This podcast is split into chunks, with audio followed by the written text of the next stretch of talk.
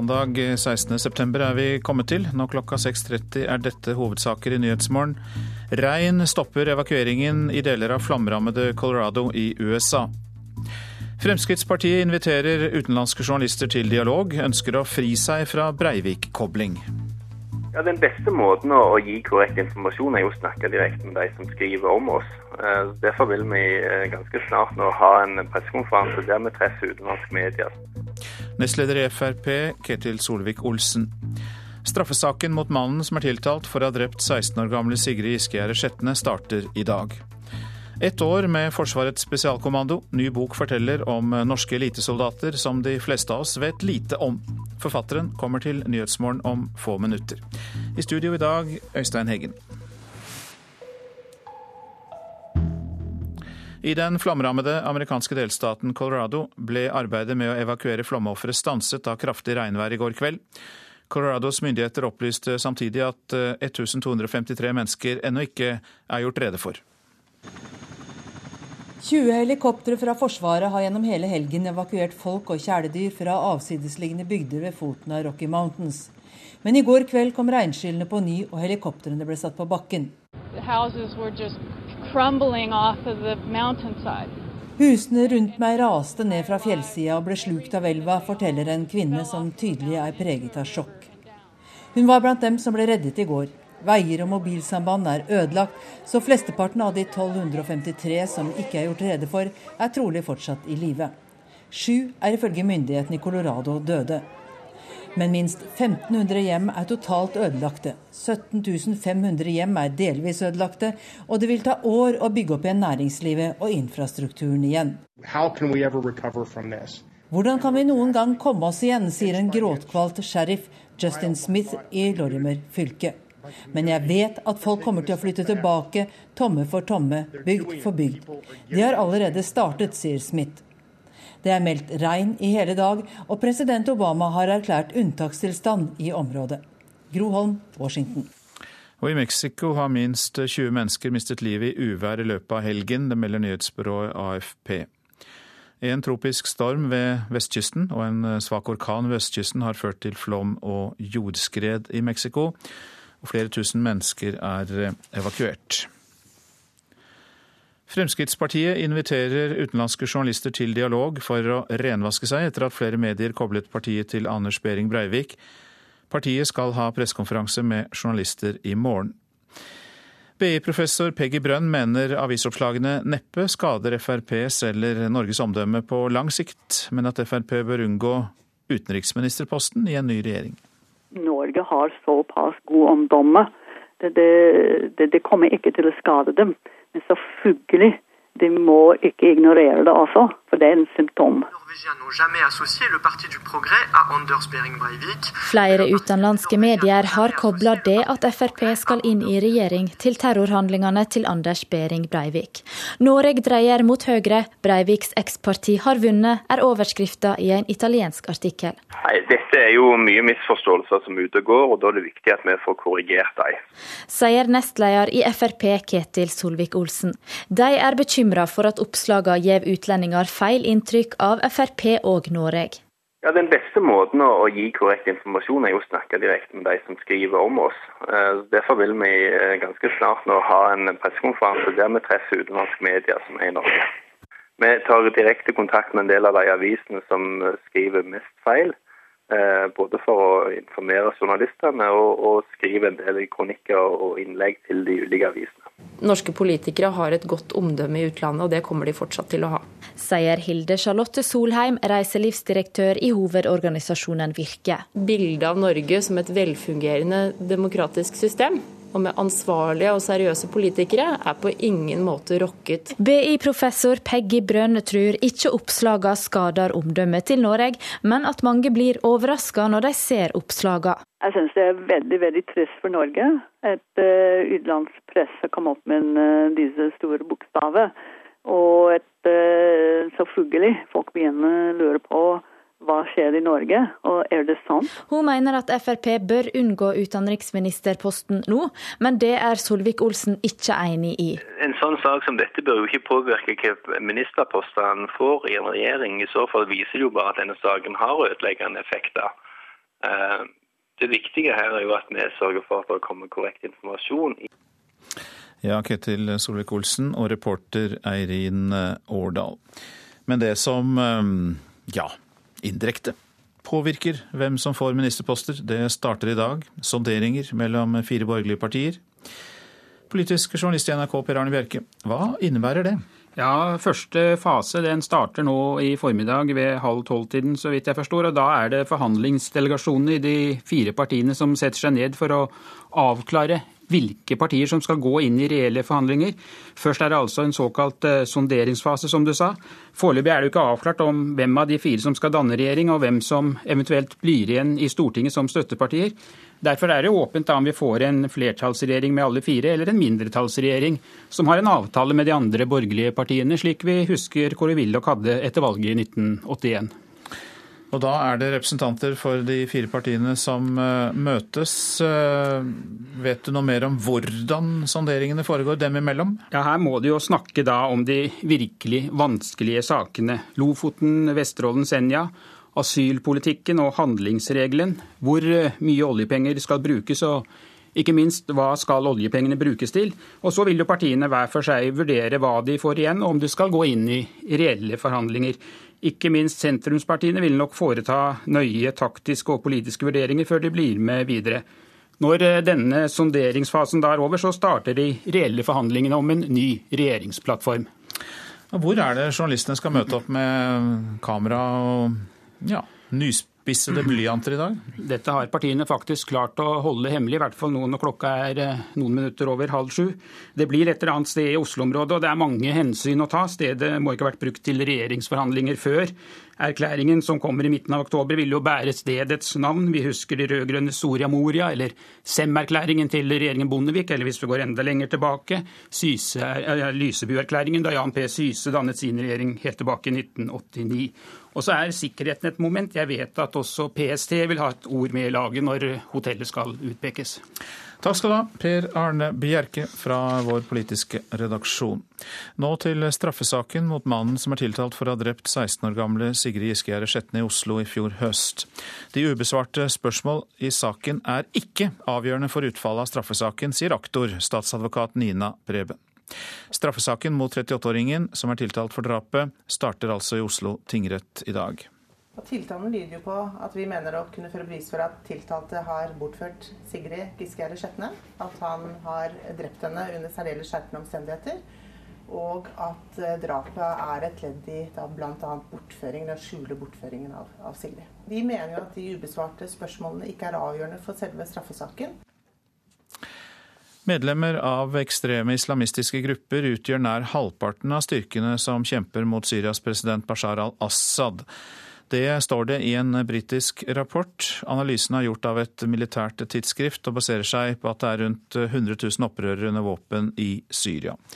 Og det er avisa The Daily Telegraph som skriver om dette i dag.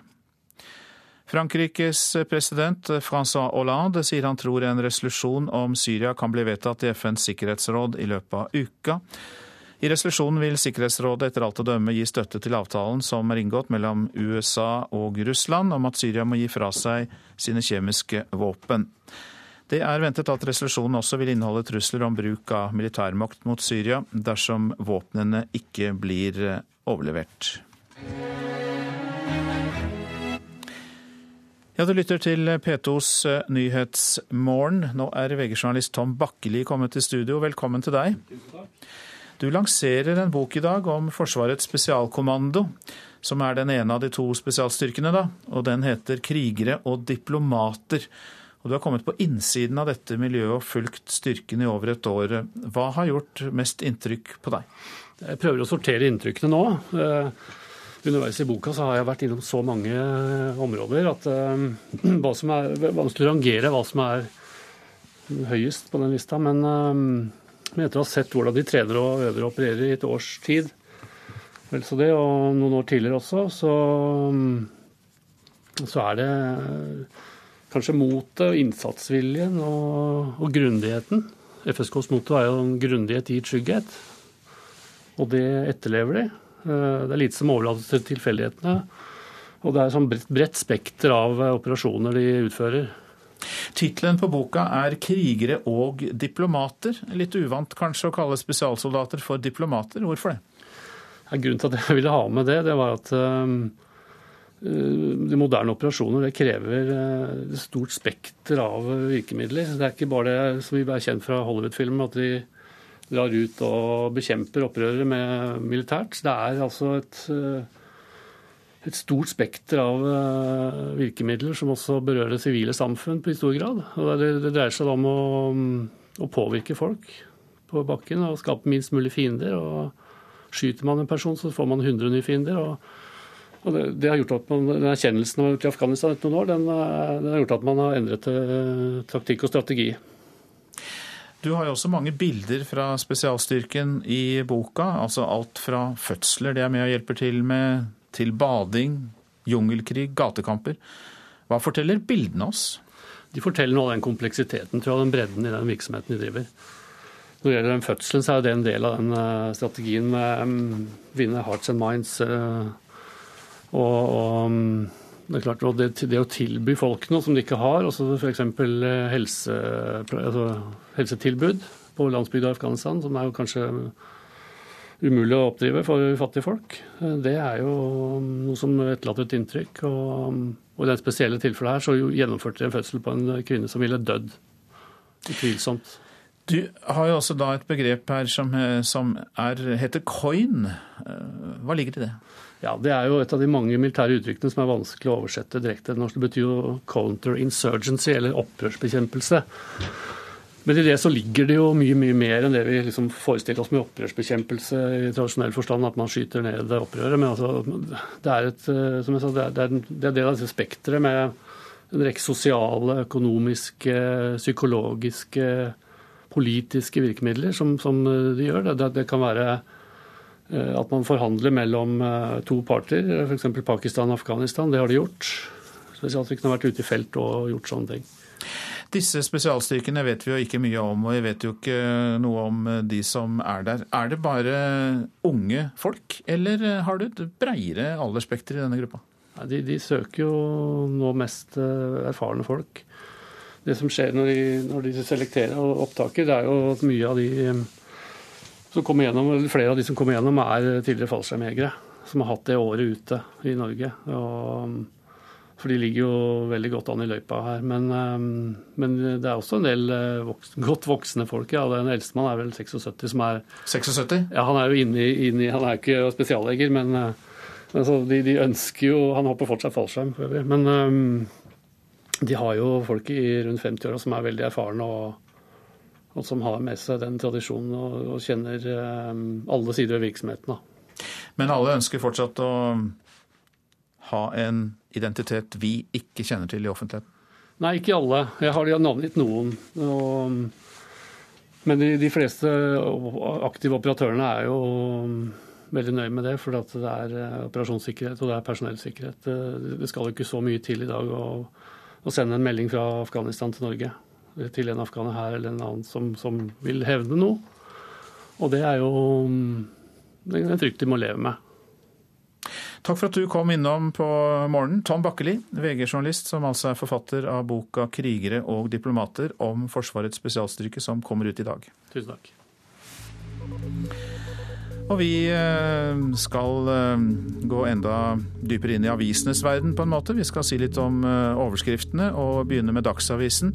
Barnehagene avgjør skoleresultatene, står det der. Barn som har gått i gode barnehager, presterer bedre på skolen enn andre barn, viser forskning. Bergens Tidende, der blir det advart mot en mobbeapp barn kan bli herjet med på sosiale medier uten at noen oppdager det, sier en rektor. Flere skoler i bergensområdet advarer mot mobilappen AskFM. Men rusarbeid er kommet i skyggen av antimobbearbeid og sosiale medier. Det sier en bekymret FAO-leder til Adresseavisen i dag. Tre tenåringer fra Inderøy og Levanger ble i helgen sendt på sykehus med alkoholforgiftning. Foreldre betaler for lekeapparater på skolene i Askøy, skriver Bergensavisen, for kommunen har ikke råd. Ødelagte brannvarslere på sykehjem må gå foran nye lekeapparater, sier teknisk avdeling. Problemene står i kø for Erna Solberg, skriver Aftenposten, som omtaler listen med problemsaker som kan føre til at Høyre-lederens drøm om en flertallsregjering kan ryke. Slik blir det en blå økonomi, skriver VG. Færre får toppskatt, det blir mindre formuesskatt, men ledigheten blir høyere, spår eksperter. Slipper vi inn flere, kan vi bare åpne grensene. Det er oppslaget i Vårt Land. Tre av fire asylsøkere får bli her i landet, og Sylo Taraku, som selv har vært asylsøker, sier at en for stor andel av søkerne får opphold. Etterlyser et grønt Statoil, skriver Klassekampen. Næringslivsleder og tidligere Høyre-politiker Terje Åsmundsen etterlyser debatt om hvordan Statoil skal forholde seg til grønne verdier. Planene for Norges høyestliggende vindkraftanlegg er skrinlagt, skriver Nasjonen. De 17 vindmøllene på Filefjell blir ikke bygd, og årsaken er for lite vind i området. Stortingspolitikere kunne spores til utlandet. Dagens Næringsliv skriver om sikkerhetshull hos norske mobiloperatører. Telenor-kunder er nå sikret, og NetCom tettet hullet sitt i forrige uke, mens Tele 2-kunder fortsatt kan spores via sine mobiltelefoner. Kjevik flyplass er et mareritt, den er for liten, sier stasjonssjef der, Tor Egerdal, til Fedrelandsvennen. Han frykter at også den nye utenlandsterminalen ikke blir stor nok. Og kom i form på seks uker, ja det er forbrukeroppslaget i Dagbladet i dag. Og en som virkelig er i form, det er Susann Pettersen. Hun er Norges beste nålevende idrettsutøver. Det mener en idrettshistoriker etter at eh, golfspilleren vant et nytt stort trofé i går. Evian-mesterskapet i Frankrike. Jeg ble litt overrasket når de begynte å spille nasjonalsangen. Da ble jeg faktisk litt rørt. Og det er ikke så rart, for i går sikra golfspilleren seg sin andre majortittel i karrieren. Det gjør Tutta til verdens beste kvinnelige golfspiller om dagen. Jeg føler at jeg spiller den beste golfen jeg noen gang har gjort, så da er det jo digg å vite at man er best. Med denne seieren her, så vil jeg nok tro hun er den største nåværende idrettsutøver Norge har. Det sier idrettshistoriker Tom A. Skanke, og han får støtte av Jan Erik Aalbu, kommentator og tidligere sportssjef i Golfforbundet. I forhold til eh, antall som driver med dette, og antall nasjoner som driver med det, så er Susann helt oppe i teten. Kanskje den største akkurat for øyeblikket. Med seieren i går kunne Tutta innkassere hele 2,9 millioner kroner. Sesongen har vært en av gåspillerens beste, kanskje også bedre enn 2007-sesongen, da hun tok sin første major. Nei, jeg vet ikke, Det er vanskelig å rangere, for alle har sin story. Men eh, jeg føler at det har vært en fantastisk fem uker da, med starten på Solheim og Spilte bra i Canada, vant i Portland, og så hadde jeg en fantastisk uke hjemme i Norge med Suzanne Pro Challenge. Tappe det opp tappe det da med å vinne her, det ble jo bare krem à la krem. Men før Tutta nå setter seg sitt neste store mål, står avslapning i fokus. Ja, ta litt fri, lade batteriene, uh, la ting synke inn. Uh, hyggelig, at, uh, hyggelig å ta seg tid til å se litt tilbake før man går videre. Og reporter i denne begeistringen, Kristine Norvik eh, Skeide. Dette er Nyhetsmorgen. Klokka har passert 6.48. Dette er hovedsaker. Regn stopper evakueringen i deler av flamrammede Colorado i USA. Fremskrittspartiet inviterer utenlandske journalister på dialog, ønsker å fri seg fra Breivik-kobling. Og litt seinere i Nyhetsmorgen teater om 22. Eh, juli-terroren. En litauer saksøker en Stavanger-bedrift for grove brudd på arbeidsmiljøloven. Det er Fellesforbundet som har levert stevningen til Stavanger tingrett på vegne av litaueren. De mener å kunne dokumentere at han bare fikk utbetalt drøyt 17 kroner timen mens han jobbet i bedriften. 17 uh, kroner per hour. That's too little in Norway, you know? No, I so know. we have got uh, very, very little. Yeah, I understand this. Mm. Yeah, it's not so good. Vi er på kontoret til Fellesforbundet i Rogaland. Den 29 år gamle litaueren får oversatt deler av den tolv sider lange stevninga mot hans tidligere arbeidsgiver. Her står det at han i løpet av de seks månedene han var ansatt i bedrifta, fikk utbetalt snaut 13 000 kroner i lønn. Yeah, it was hard, yeah. Uh, when you have not enough money, you know, for food and stuff like that, for fuel, for phone, and det var vanskelig å klare seg med så lite penger, sier han, og etter noen måneder tok han opp saken med kollegaer. Det var de som anbefalte han å kontakte Fellesforbundet. Underbetaling, alvorlig misbruk av useriøs arbeidsgiver. Dette er et av de groveste tilfellene jeg har vært borti i løpet av de 14 årene jeg har jobbet i Fellesforbundet med lignende saker også. Det sier Torgrim Frøland, som er distriktssekretær i Fellesforbundet i Rogaland. I kontrakten som litaueren fikk da han ble ansatt i september i fjor, sto det at timelønna var på 90 kroner, men det ble langt mindre. Og så er han da foretatt en rekke trekk, sånn at den, den riktige lønna for han ble 17 kroner og 11 øre i timen etter trekk hos arbeidsgiver. Ulovlig trekk. Han skulle vært betalt med 158 kroner og 40 øre i timen. Nå krever litaueren å få tilbakebetalt lønn, og han mener han har rett på. Fellesforbundet har bl.a. hentet inn kontrakt, lønnsslipper og e-poster som de mener beviser at litaueren ble grovt underbetalt. Det er LO-advokat Merete Akerø som har hatt det juridiske ansvaret for saken. Jeg har eh, vurdert de bevisene som jeg har fått forelagt. Eh, så har jeg gjort eh, min vurdering og innsendt en stevning jeg vil aldri ta ut stevning med mindre det er gode nok bevis. NRK har vært i kontakt med lederen i bedrifter som nå blir saksøkt. Han innrømmer at timelønna til litaueren var på 90 kroner, men avviser de ulovlige lønnstrekkene som Fellesforbundet hevder ga en reell lønn på 17 kroner og 11 øre i time.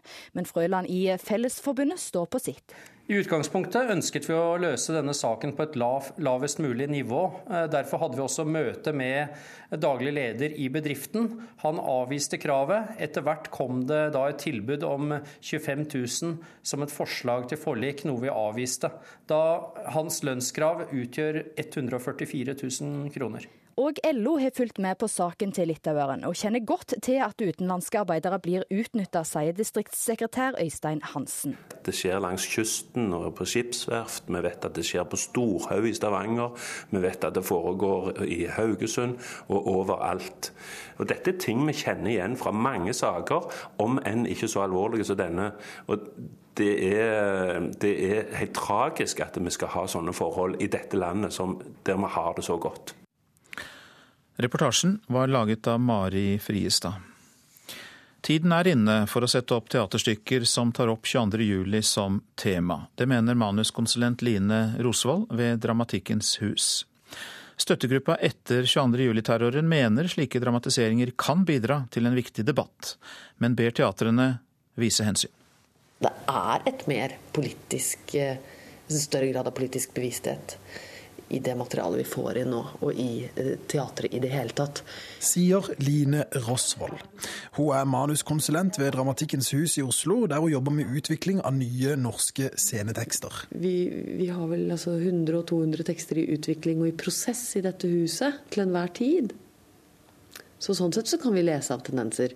Rosvold forteller at Dramatikkens hus nå får inn færre stykker om familieproblematikk og mer tekster som tar opp politiske og samfunnsmessige problemer. Men hun vet ikke om dette er et direkte resultat av 22. juli. Men man kan se avskygningene av 22. juli i det politiske, eller i det, det, den nyskrevne dramatikken nå. Og i det, de sceniske løsningene. Tror du at, er, at tida er moden for å sette opp mer stykker som, som eksplisitt tar opp temaet? Ja, ja, det tror jeg.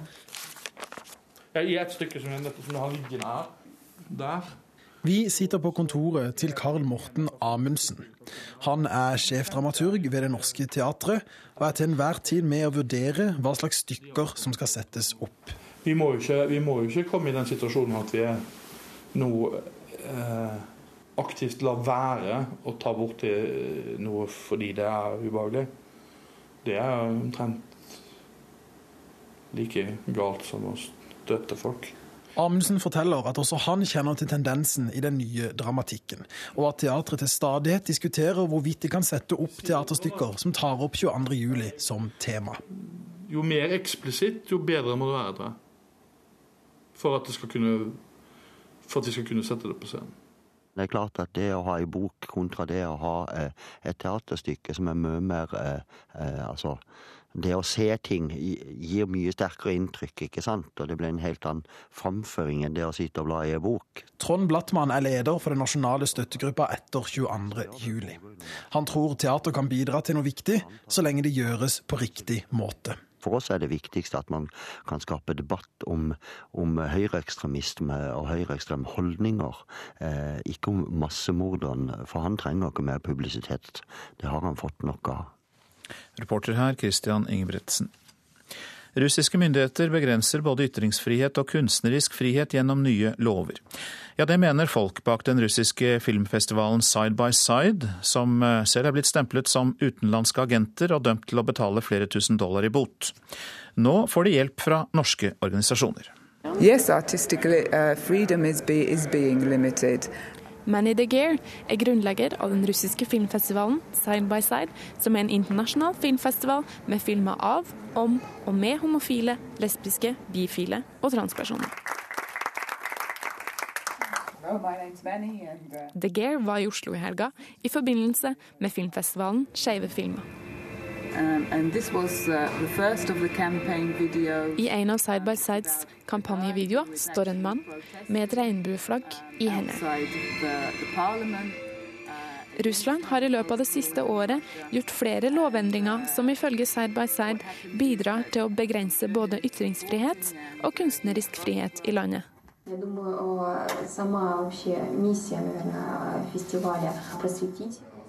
Ifølge den omstridte antihomopropagandaloven risikerer man i Russland i dag bøter om man snakker positivt om homofili i det offentlige rom.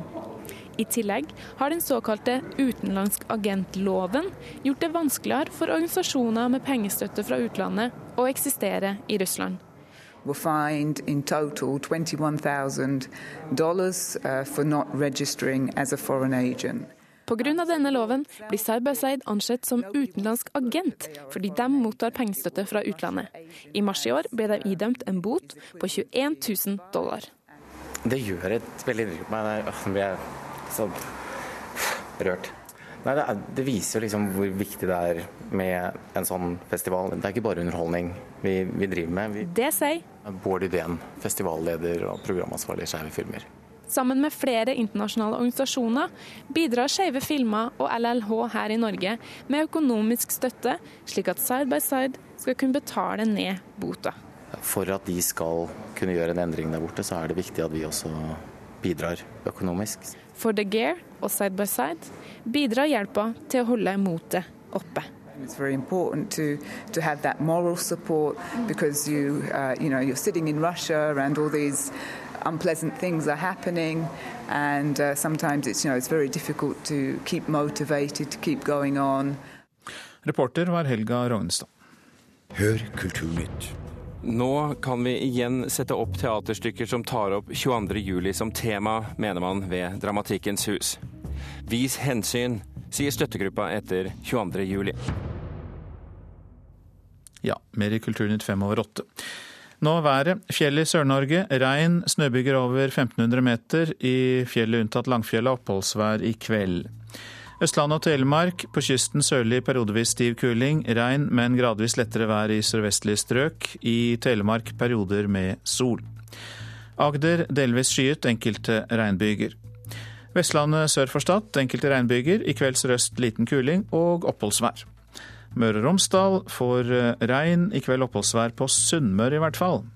Trøndelag sørøst sterk kuling utsatte steder. I formiddag minkende til stiv kuling, og det blir litt regn av og til i Trøndelag.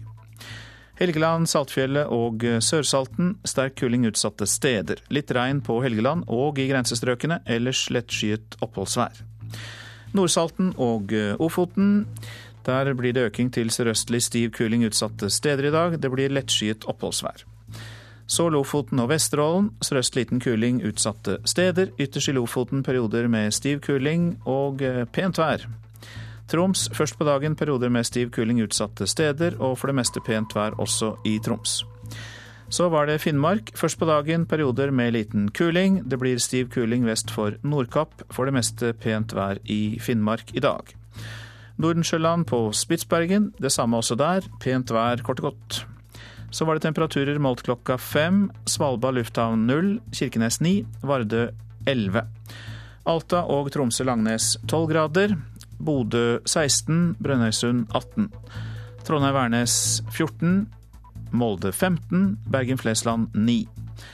Kristiansand-Kjevik 12 grader. Gardermoen og Lillehammer begge 10. Røros 8 og Oslo-Blindern 11 grader. Og det var altså temperaturene klokka fem i natt.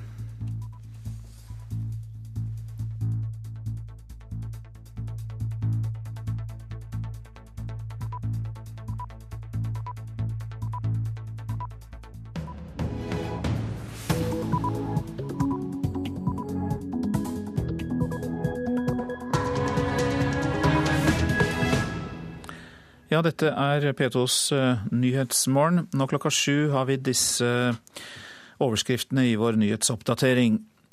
Regn stopper evakuering i deler av flomrammede Colorado i USA. Folk rømmer, men de fleste vil eh, tilbake til hjemmene sine snart. Hvordan kan vi noen gang komme oss igjen, sier en gråtkvalt sheriff Justin Smith i Lorimer fylke. Men jeg vet at folk kommer til å flytte tilbake, tomme for tomme, bygd for bygd. De har allerede startet, sier Smith. I dag starter regjeringsforhandlingene mellom Høyre og Fremskrittspartiet, Venstre og Kristelig Folkeparti. Men det er ikke sikkert at alle går inn i regjering, sier politisk journalist Per Arne Bjerke. Foreløpig er det jo ikke avklart om hvem av de fire som skal danne regjering, og hvem som eventuelt blir igjen i Stortinget som støttepartier. Derfor er det åpent da om vi får en flertallsregjering med alle fire, eller en mindretallsregjering som har en avtale med de andre borgerlige partiene, slik vi husker Kåre Willoch hadde etter valget i 1981. Fremskrittspartiet ønsker å fri seg fra Breivik-kobling, inviterer utenlandske journalister til eh, dialog i morgen. Og ny bok forteller om norske elitesoldater de fleste av oss vet lite om. Forfatter og journalist Tom Bakkeli har skrevet bok om Forsvarets spesialkommando, og eh, forteller hva som har gjort mest inntrykk på ham. Men Etter å ha sett hvordan de trener og øver og opererer i et års tid, så er det kanskje motet, innsatsviljen og, og grundigheten. Men først i eh, Nyhetsmorgen om eh, rettssaken etter drapet på Sigrid Giskegjerde Skjetne i Oslo i fjor høst. Saken mot 38-åringen eh, som er tiltalt, starter i dag.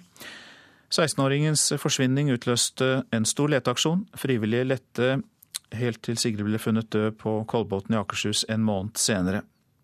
Påtalemyndigheten tror på en dom på tvungent psykisk helsevern for tiltalte.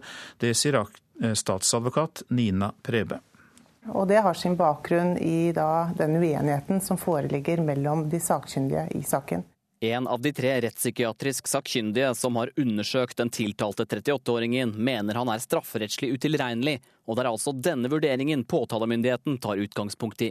De tar imidlertid forbehold om at dette kan endre seg i løpet av bevisførselen i rettssaken, ifølge aktor Nina Prebe. Men det fremgår også av tiltalen at vi har tatt uttrykkelig forbehold om at dersom situasjonen senere skulle tilsi det, så har vi anledning til å påstå straff i form av forvaring i 21 år.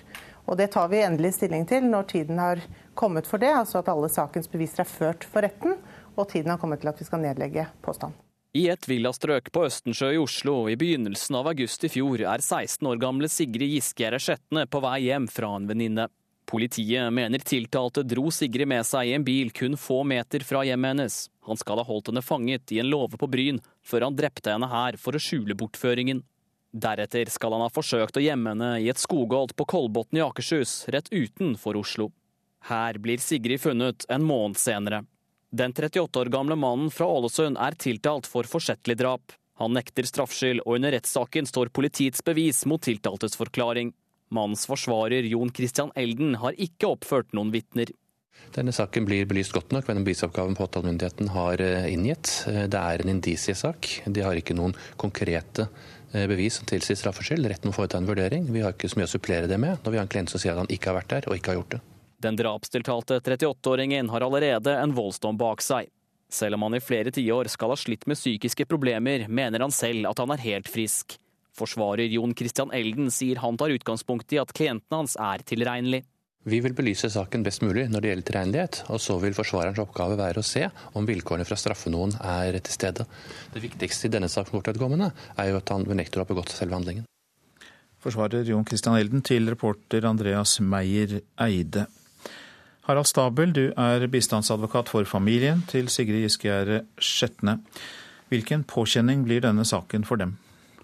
Det er åpenbart at det blir en eh, stor påkjenning. Det er de eh, forberedt på. De skal sitte i retten i tre uker og rett overfor eh, tiltalte i saken. De skal høre hans forklaring, og de skal høre vitner, og de skal høre de og se de bevisene av teknisk art som eh, blir fremlagt av eh, aktoratet. Eh, de gruer seg til dette, men har vært lenge forberedt på at det er slik de ønsker det. Ikke minst pga. sorgbearbeidelsen.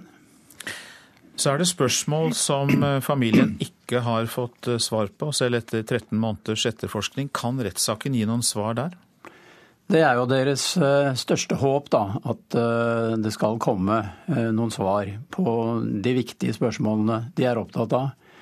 Nemlig da hvorfor ble hun bortført? Hva skjedde med henne etter bortføringen? Hvor lang tid tok det før hun døde, og på hvilken måte? Og til tross for eh, lang og omfattende etterforskning, så har jo ikke politiet kunnet gi svar på, på disse spørsmålene.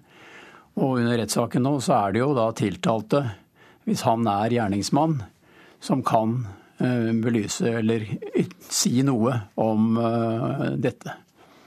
Men det som er spesielt her, er vel at han ikke har kommet med den type informasjoner i det hele tatt? Ja, Eh, fordi han benekter eh, etter hvert kjennskap til eh, dette drapet. Han har ikke vært på åstedet. Og han har da ikke kunnet bidra, naturlig nok, ut fra sitt ståsted til svar på, på det, disse spørsmålene. Men vi får jo se, da. Han skal forklare seg i halvannen dag i retten, og det kan komme svar. Eh, men foreldrene er jo realistiske når det gjelder dette. Det har gått over et år, og det har ikke blitt mulig å finne svar på disse spørsmålene. Men eh, de håper. Hvordan går du inn i det som bistandsadvokat, Harald Stabel? Jeg har jo da fulgt dem nå gjennom et eh, drøyt år. Og for så vidt jobbet tett med dem når det gjelder etterforskningen. Hvordan denne skjer, hva som kommer fram. Vi har hatt eh, en god dialog med politiet hele veien. Eh, nå i den siste perioden så er det jo viktig for dem å, å være forberedt på hvordan en slik eh, sak føres i retten. Og hva blir deres rolle? Hvordan blir spørsmål stilt? Hvem stiller spørsmål? Og, så og Det har vært en eh, interessant, en utfordrende oppgave. De har vært veldig interessert, naturlig nok, i å, å følge utviklingen eh, i saken. Ikke minst da også for å få svar som eh, de ønsker seg. Takk skal du ha, Harald Stabel. Du er også bistandsadvokaten for familien til Sigrid Giskegjerde Skjetne. I dag starter sonderingene mellom de fire borgerlige partiene om mulig regjeringssamarbeid. For Venstre og Kristelig Folkeparti handler det om å stå sammen for å få gjennomslag. Det sier nestleder i Venstre, Terje Breivik. Nei, det er klart For både Venstre og KrF så, så betyr det mye at vi klarer å holde, holde noenlunde sammen i disse forhandlingene. Det sier seg selv for at vi, vi i fellesskap har denne nøkkelposisjonen. Og den posisjonen har Terje Breivik tenkt til å utnytte. For Venstre og Kristelig Folkeparti risikerer ellers et brått møte med kjøttvekta når de borgerlige partiene i dag starter arbeidet med en regjeringsplattform. Men siden Høyre og Fremskrittspartiet ikke har flertall i Stortinget alene, har Venstre tro på at posisjonen på vippen bl.a. skal få stanset oljeboring i Lofoten og Vesterålen, og sørge for at asylbarn som har sittet lenge i mottak, skal få bli vi skal bruke den posisjonen for det det er verdt for, for de politiske løsningene og den politikken vi, vi mener er viktig. Men Frp-leder Siv Jensen mener ingenting er avgjort, verken når det gjelder asylbarn eller oljeboring i nord.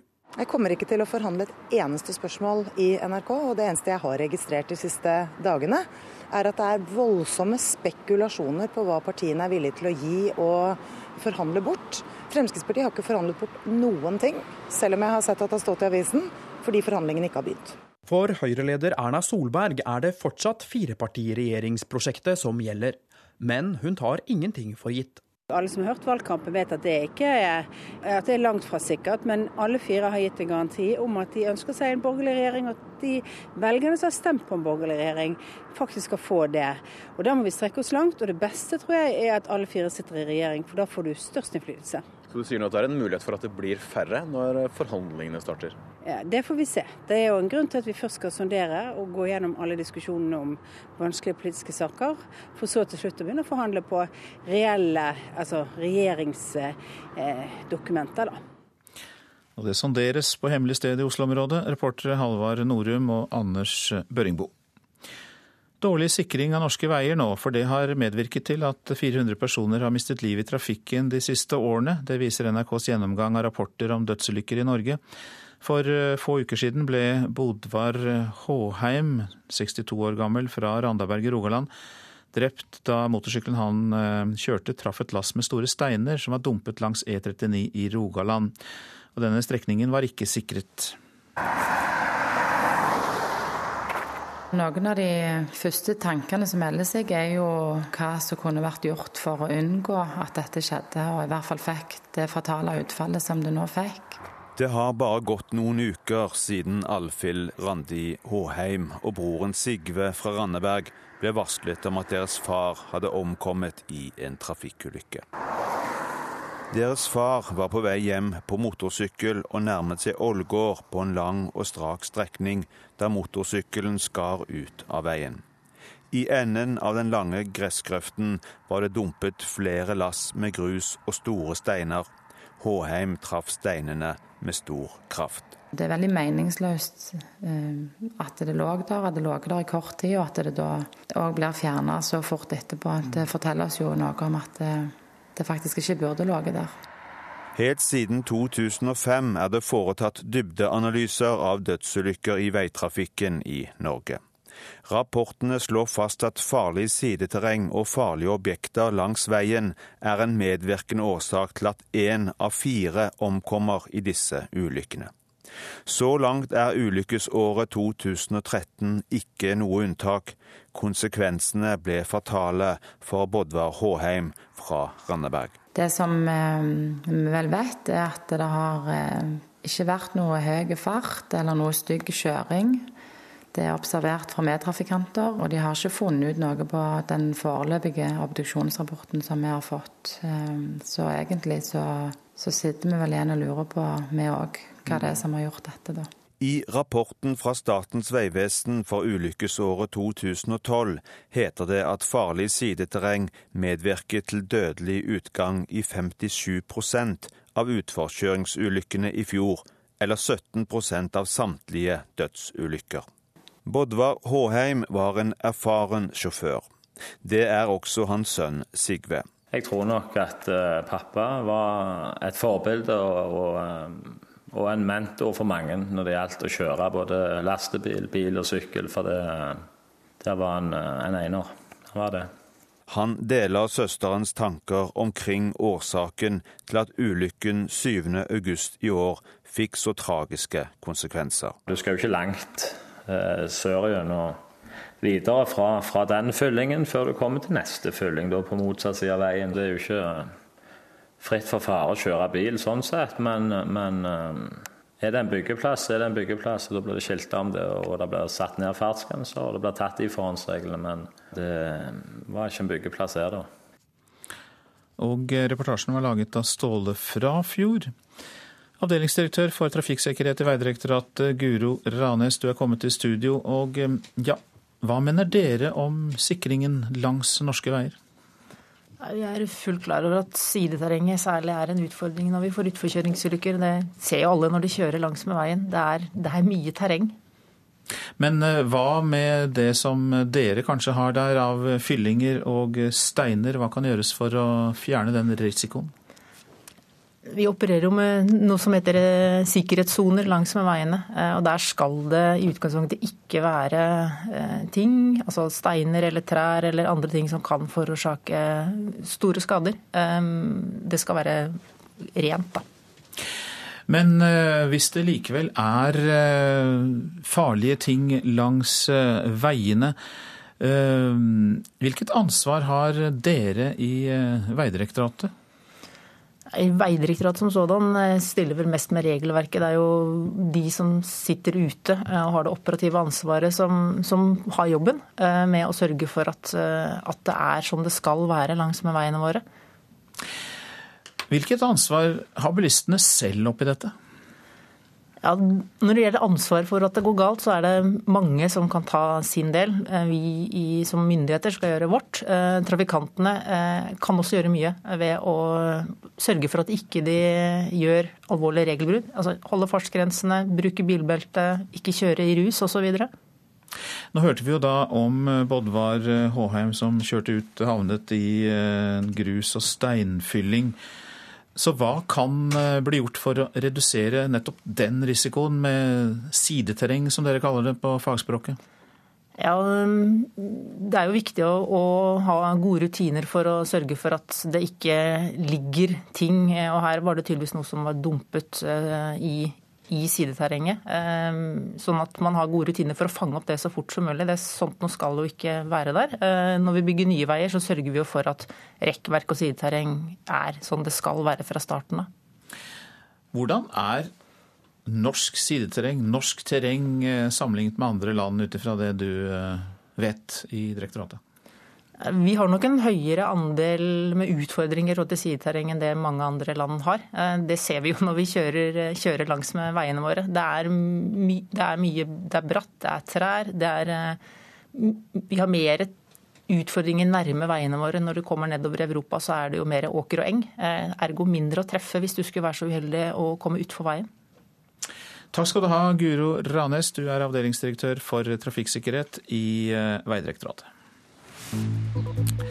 Dette er P2s Nyhetsmorgen. Klokka den passerte nettopp 7.16. Vi har disse hovedsakene. Aktor tror på dom om tvungen psykisk helsevern for mannen som er tiltalt for drapet på Sigrid Giskegjerde Skjetne. Straffesaken mot ham starter i dag. Dårlig veisikring har som vi hørte medvirket til 400 dødsfall i trafikken de siste åtte år. Og litt seinere i sendinga, Frankrikes eh, president tror FNs sikkerhetsråd allerede mot slutten av uka kan komme til å vedta en resolusjon om Syria. Og det fortsetter vi med, for Francois Hollande sier han støtter avtalen som Russland og USA har blitt enige om, som skal tvinge Syria til å overleve, overlevere kjemiske våpen. Men han mener at trusselen om en militæraksjon mot Syria fortsatt er viktig. Il faut bien intégrer vi må ha med trusler om sanksjoner mot Syria. Det må være en reell mulighet hvis Syria ikke følger opp avtalen, sier Frankrikes president Francois Hollande. I dag kommer USAs og Storbritannias utenriksministre til Paris for å diskutere detaljer i avtalen. President Hollande tror resolusjonen kan bli vedtatt i FNs sikkerhetsråd mot slutten av uken.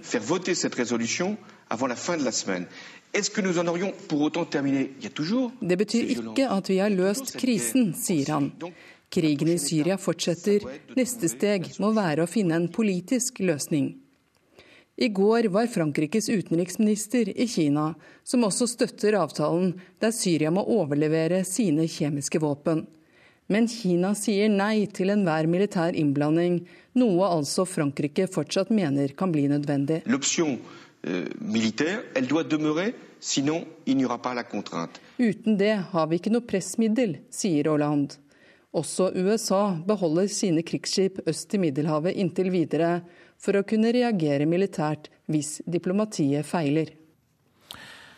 Ja, og I går samtalte altså Kinas utenriksminister avtalen om uh, håndteringen av kjemiske våpen i Syria i uh, positive vendinger.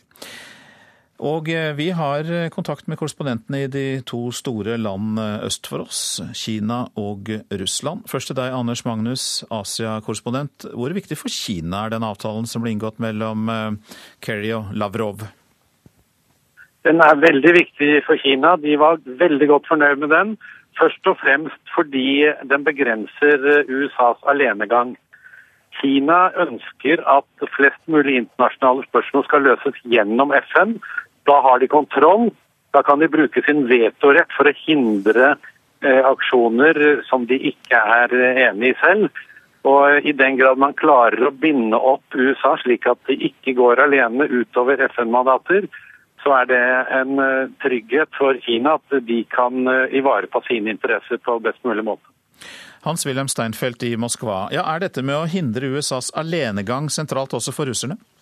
Ja, det har vært hjørnesteinen i den russiske argumentasjonen eh, de, den siste måneden at eh, skulle USA gå ut mot eh, Syria selv i et begrenset luftangrep, så ville det være grovt brudd på internasjonal rett og likestilt med en aggresjon.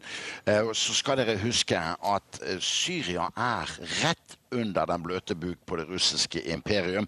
Fra Nordøst-Syria er det 300 km til den armenske grense og 800 km til den russiske grensen. Så for russerne så ligger Syria geopolitisk omtrent som Honduras i Mellom-Amerika ligger for USA. Anders eh, Magnus, eh, kan vi vente oss et mer aktivt Kina, et Kina som deltar mer i diskusjonen rundt Syria i tiden som kommer? Ikke på den måten at de lanserer noen egen plan. Eh, Kina har foreløpig ikke noen sterke utenrikspolitiske utspill eller ideer om hvordan man skal løse slike konflikter, men man vil henge seg på alle initiativ som kan løse krisen eh, diplomatisk, og, gjerne også en fredsavtale. Det eh, kineserne ønsker, er først og fremst å opprettholde eh, ideen om ikke-innblanding. Eh, og man har også lært leksen fra Libya og eh, ikke satse bare på én av partene. så Derfor har man invitert både opposisjonen og regjeringsvennlige delegasjoner til Kina, slik at man kan satse på den hesten som eventuelt vinner denne borgerkrigen fordi Kinas interesse først og fremst er økonomiske i dette området. De vil eh, gjerne ha de ressursene, f.eks. olje, som Syria sitter på. I dag kommer Egypts utenriksminister Nabil Fahmi til eh, Moskva, Hans-Wilhelm Steinfeld. Og det er vel grunn til å tro at Syria kommer til å stå på dagsordenen også da? Ja, så definitivt. Og uh, før helgen så sa jo president Vladimir Putin at ingen problemer kan løses i Midtøsten uten at Egypt er med. Dette er jo en av de mest grunnleggende tommefingerregler for all Midtøsten-analyse de siste 40 år. Og på mange måter vil jeg anta at eh, Kreml er mer komfortabelt med det nye militærregimet i Egypt. Slikt kjenner de fra før, der eh, president Morsi var mer uforutsigbar for russerne pga. sin tette binding til det muslimske brorskapet. Og eh, Hans-Wilhelm Steinfeld, eh, hva tror du om det Frankrikes utenriksminister, eller Frankrikes president sa, at han trodde det kunne komme til en avtale i FN seinere i uka? Da får jeg minne om at på lørdag så sa utenriksminister Sergej Lavrov i Genéve, da han og USAs utenriksminister John Kerry var enige om denne avtalen om hvordan de kjemiske våpnene skulle håndteres, at det i deres fellesforslag ikke ligger formuleringer om militære sanksjoner dersom dette ikke skulle bli oppfylt av Syria. På annen side så er Russland hovedvåpenleverandør for Assad-regimet, og Moskvas ord har tung vekt i Damaskus. Slik at eh, egentlig tror jeg at russernes hovedsiktemål nå er å unngå hardere retorikk med USA, fordi for over et år siden så genererte jo USA og Russland ideen om en Genéve 2-konferanse for Syria, og det er det overordnede målet for Russland å få til nå. Takk skal du ha, Hans-Wilhelm Steinfeld fra Moskva, og til deg, Anders Magnus, som var med oss eh, fra Beijing.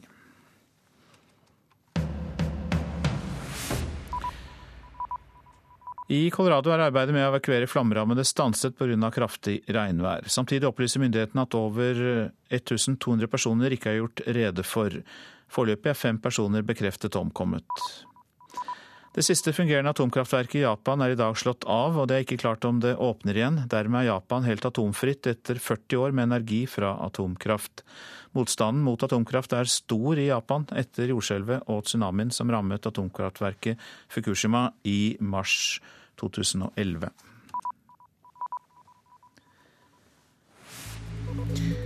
Så noen ord om det avisene skriver i dag.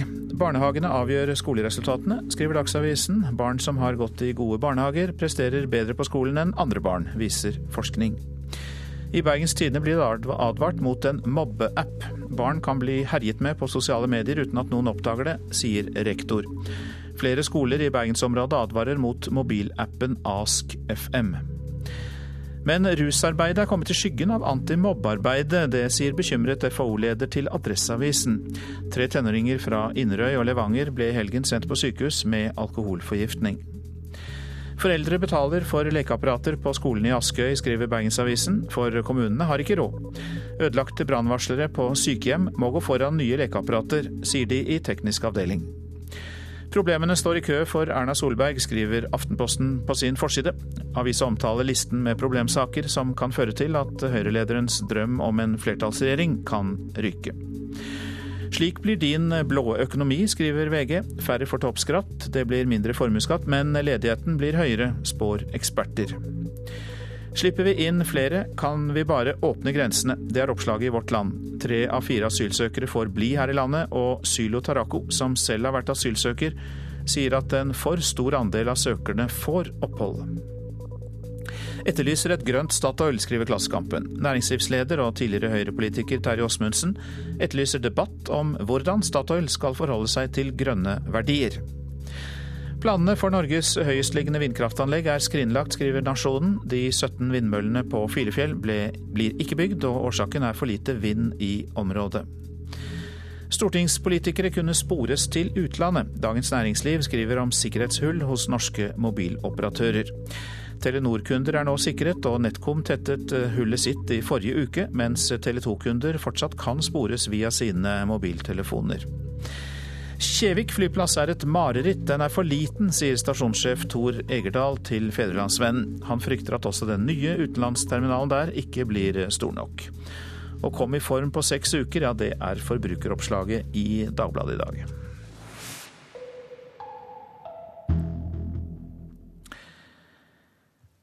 Elever på Drammen videregående skole blåser i advarsler fra skolens ledelse. Mange har eh, meldt seg på omstridte opptak i elevforeninger der. I fjor ble en 16 år gammel jente innlagt på sykehus etter å ha spist rått dyrehjerte i forbindelse med en slik opptaksprøve, og en 15 år gammel gutt ble også innlagt. Men det ser ikke ut til å ha skremt årets førsteklassinger. Ja, jeg kjenner mange som har seg på. De fleste venninnene mine har det. Jeg har hørt at det er litt annerledes i år, at eh, det ikke skal være så mye sånn spising og sånn. At det skal være mer fysisk. At du skal måtte ta pushups og gjøre tunge ting og løfte og, og sånne forskjellige fysiske ting. da.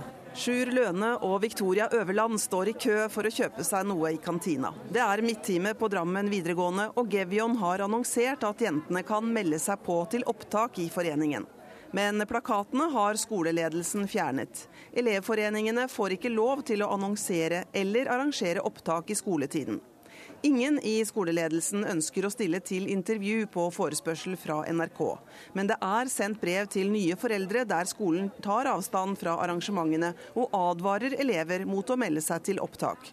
Advarslene har også kommet på foreldremøtet. Både Fraternitas og Gevion måtte tåle hard kritikk etter det som ble beskrevet som ydmykende og tøffe ritualer i fjor. Sjur og Victoria har bestemt seg for å ikke melde seg på. Nei, jeg har ikke meldt meg på, fordi jeg tenker at etter hva som skjedde i fjor, så veit jeg ikke hva som skjer i år. Men altså, det hadde sikkert vært moro. Hva med deg, da? Vil du bli eh, medlem i Gevion? Um, ja, jeg vil egentlig, men uh et, som sagt som Sjur, da, så etter det i fjor, så er jeg usikker. da, for at Man vet jo aldri hva som skjer, selv om de sier at det skal bli mildere. Men så vet man aldri. I fjor endte opptakene med sykehusinnleggelse for et par av ungdommene. Og flere av årets andreklassejenter angrer ikke på at de aldri ble med i Gevion. Fordi jeg likte ikke klærne vi skulle bruke. Og så liker jeg ikke å bli sjefa over. Da blir jeg det liker jeg ikke. Hva med deg, du var heller ikke med i fjor? Nei, eh, jeg syns det er ganske drastisk. Det er veldig sånn ja, du går gjennom ganske mye ekkelt og sånn da, for å på en måte være med i et sånt søsterskap på, eller i Drammen. da. Så jeg var ikke villig til å ofre det for å være med i det søsterskapet.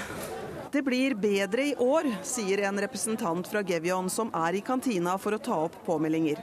Hun vil ikke la seg intervjue, og vil ikke bekrefte hvilken ettermiddag opptaket skal skje. Men hun sier mange har meldt seg på. Opptaksritualene er hemmelige, og hun vil ikke avsløre hva som venter elever som melder seg på. Men fra tidligere opptak så vet vi at det handler om å ha på seg rare klær, gjøre snåle ting, spise uappetittlig mat og drikke ting med ukjent innhold. Nei, jeg har ikke lyst, egentlig. Nei. Dere sitter altså fem jenter rundt et bord her i kantina, men ingen skal melde seg på. Hvorfor ikke? Nei, vi har vel ikke så veldig lyst, kanskje. Har du noen meninger om det? Det ble ganske mye oppstuss i fjor, er det derfor? Nei, jeg vet ikke, men jeg har liksom ikke aldri vært sånn særlig interesse for det. Sjur Øverland tror ikke han kommer til å ombestemme seg og bli med på årets opptaksprøver. Det tror jeg ikke, fordi jeg har like mye moro sikkert å se på. Reporter i Drammen, Kate Barth Nilsen. Prosent for Nyhetsmorgen, Kari Bekken Larsen. Her i studio, Øystein Heggen. Og Dagsnytt overtar nå.